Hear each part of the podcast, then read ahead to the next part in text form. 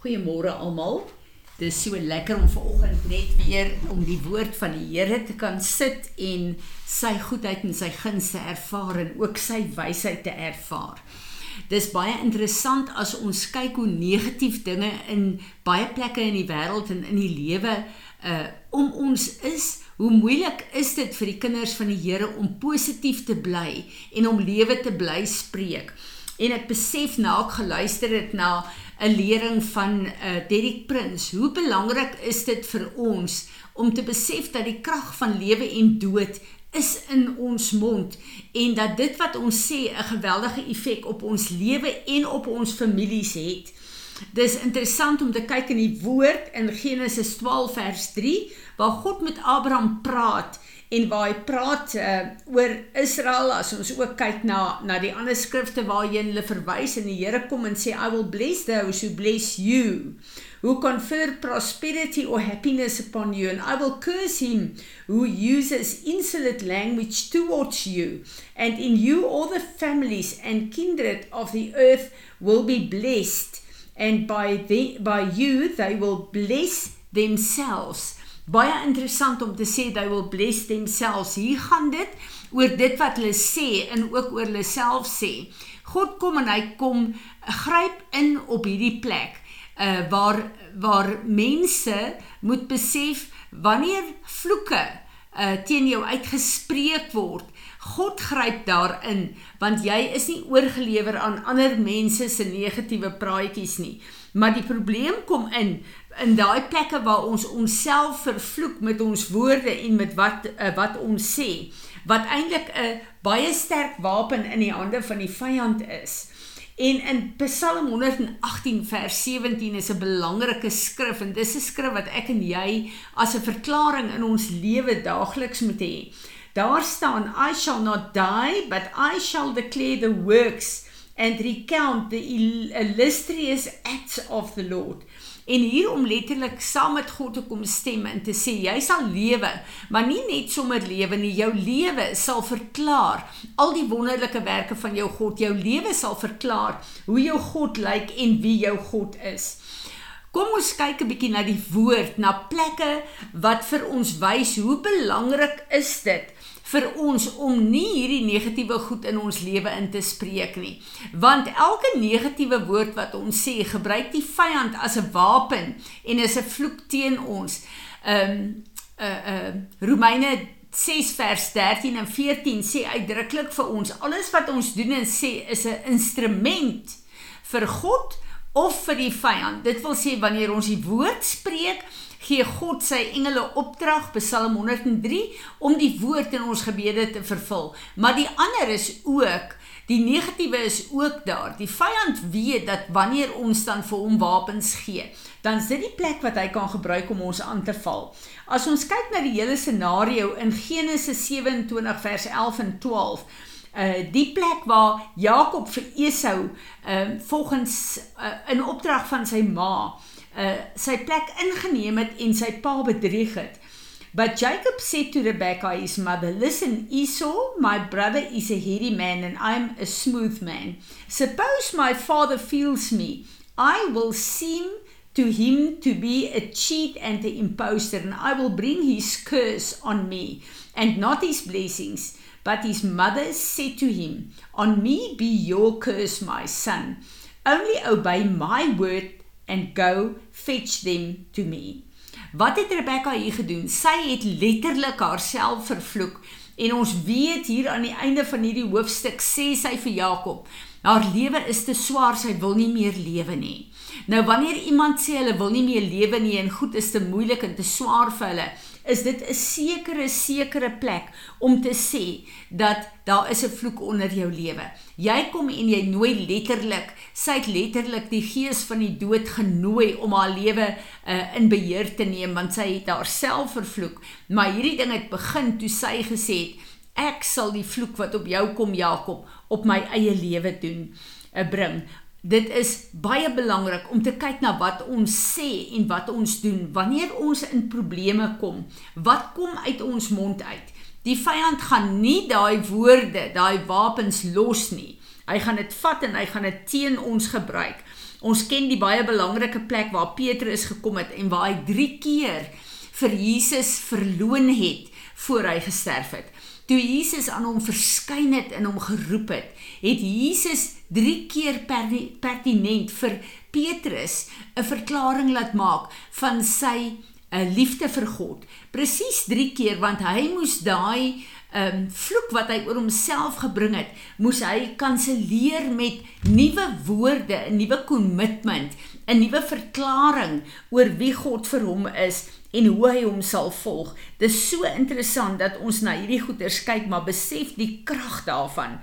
'n Baie belangrike gedeelte is die skrif in Matteus um 24 uh, 27 vers 24 en 25 Hierdie is die gedeelte waar Jesus voor Pilatus gestaan het en hoor wat hierdie Israeliete gedoen in daai plek. So when Pilate saw that he was getting nowhere, but rather than a riot was about to break out, he took water and washed his hands in the presence of the crowd, saying, I am not guilty or responsible for this righteous man's blood. See to itself see to it yourselves. And all the people answered let his blood be on us and on our children. Hierdie israeliete wou Jesus se dood aan die kruis gehad het En hulle het gekom, Pilatus het gesê, maar as jy 'n onskuldige man se bloed laat vloei, dan is daar bloed op jou hande. En hy het sy hande gewas en gesê, ek is nie bereid om dit te doen nie, want my woorde gaan die gesag hê oor hierdie man.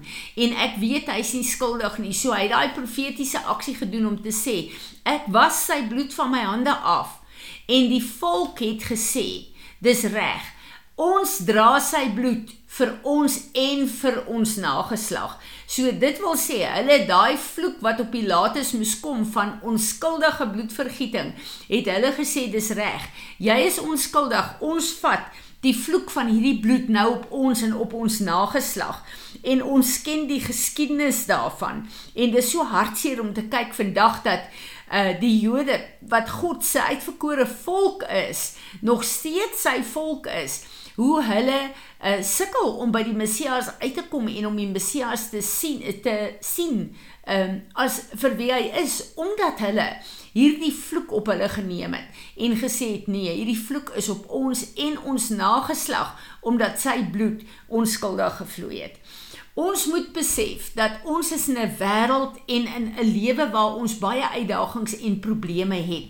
En die vyand se grootste wapen is om ons te kry op 'n plek waar ons ons eie verklaring, ons eie tong gebruik om onsself te vervloek, om ons situasies te vervloek, om onmoontlikheid uh in ons lewe in te trek om op 'n plek te staan waar ons kan sê ja, die probleme is groter as enigiets wat ek kan dink ek kan doen om dit op te los. Ek en jy behoort nie meer aan onsself nie. Ons behoort aan God. Ons is gekoop deur die bloed van Jesus Christus. En die God wat ons dien, is die God van die onmoontlike, die onmoontlike vir ons hier op aarde. Daarom is daar geen probleem en geen situasie wat ons op aarde kan inkom wat ons God nie vir ons kan hanteer en kan oplos nie. En daarom moet ons weet ons lewe in die oorwinning van die kruis van Golgotha. So elke plek waar ek en jy 'n beker drink, elke plek waar die kruis wat ons in hierdie lewe moet dra vir ons swaar is, het ons die realiteit en die versekering dat die kruis op Golgotha afgehandel is vir my en jou. Dit wil sê elke probleem wat ons op aarde het, is volbring aan die kruis van Golgotha. Elke versoeking wat ons het, hy gee vir ons die uitkoms daarvoor. Ek en jy hoef nie die oplosser van ons probleme te wees nie. Hy is dit reeds. Maar ons moet versigtig wees om nie wanneer ons uh, in moeilike omstandighede is, moeg en moedeloos te raak en uit ons mond uit te laat kom. Hierdie situasie kan nie beredder word nie. Hierdie probleem kan nie opgelos word nie. Hierdie kind kan nie gered word nie. Hierdie persoon kan nie uit verslawing uitkom nie. My finansies kan nie nou regkom nie. Uh, elke probleem wat daar is, pas op. Moenie saamstem met die vyand nie. Hy is die een wat jou woorde wil hê om te verklaar dat uh, jou probleme is groter as jou uitkoms. In hierdie plek laat ons liewer oor en oor verklaar. Psalm 118 vers 17. I shall not die but live and declare the works and the recount the illustrious acts of the Lord. Ons is nie net geroep om te lewe op aarde nie nie, maar ons lewens moet 'n verslag gee, 'n getuienis gee van die oorwinning en die werking en die krag en die autoriteit van ons God. Dit is hoekom ek en jy op aarde is. Dit is hoekom ons gered is om 'n getuienis te wees, 'n wapen te wees vir hom op aarde, om te verklaar dat die kruis van Golgotha is afgehandel, maar dit is ons oorwinning tot in alle ewigheid. Mag die Here ons help om nie onsself te vervloek nie, maar om sy krag en sy autoriteit, sy seënings in en deur ons lewe vry te stel.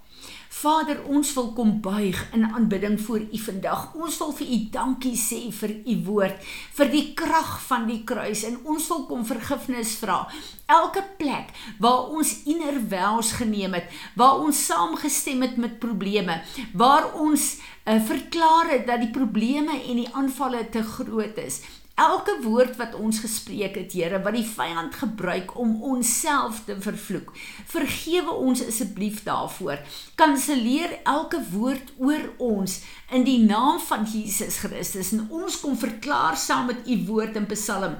Ons sal nie sterf nie, maar ons lewe om die werke van ons God te verkondig in en deur ons lewens.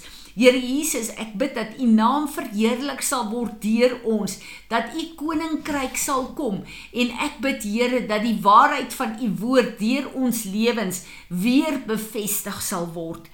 Amen.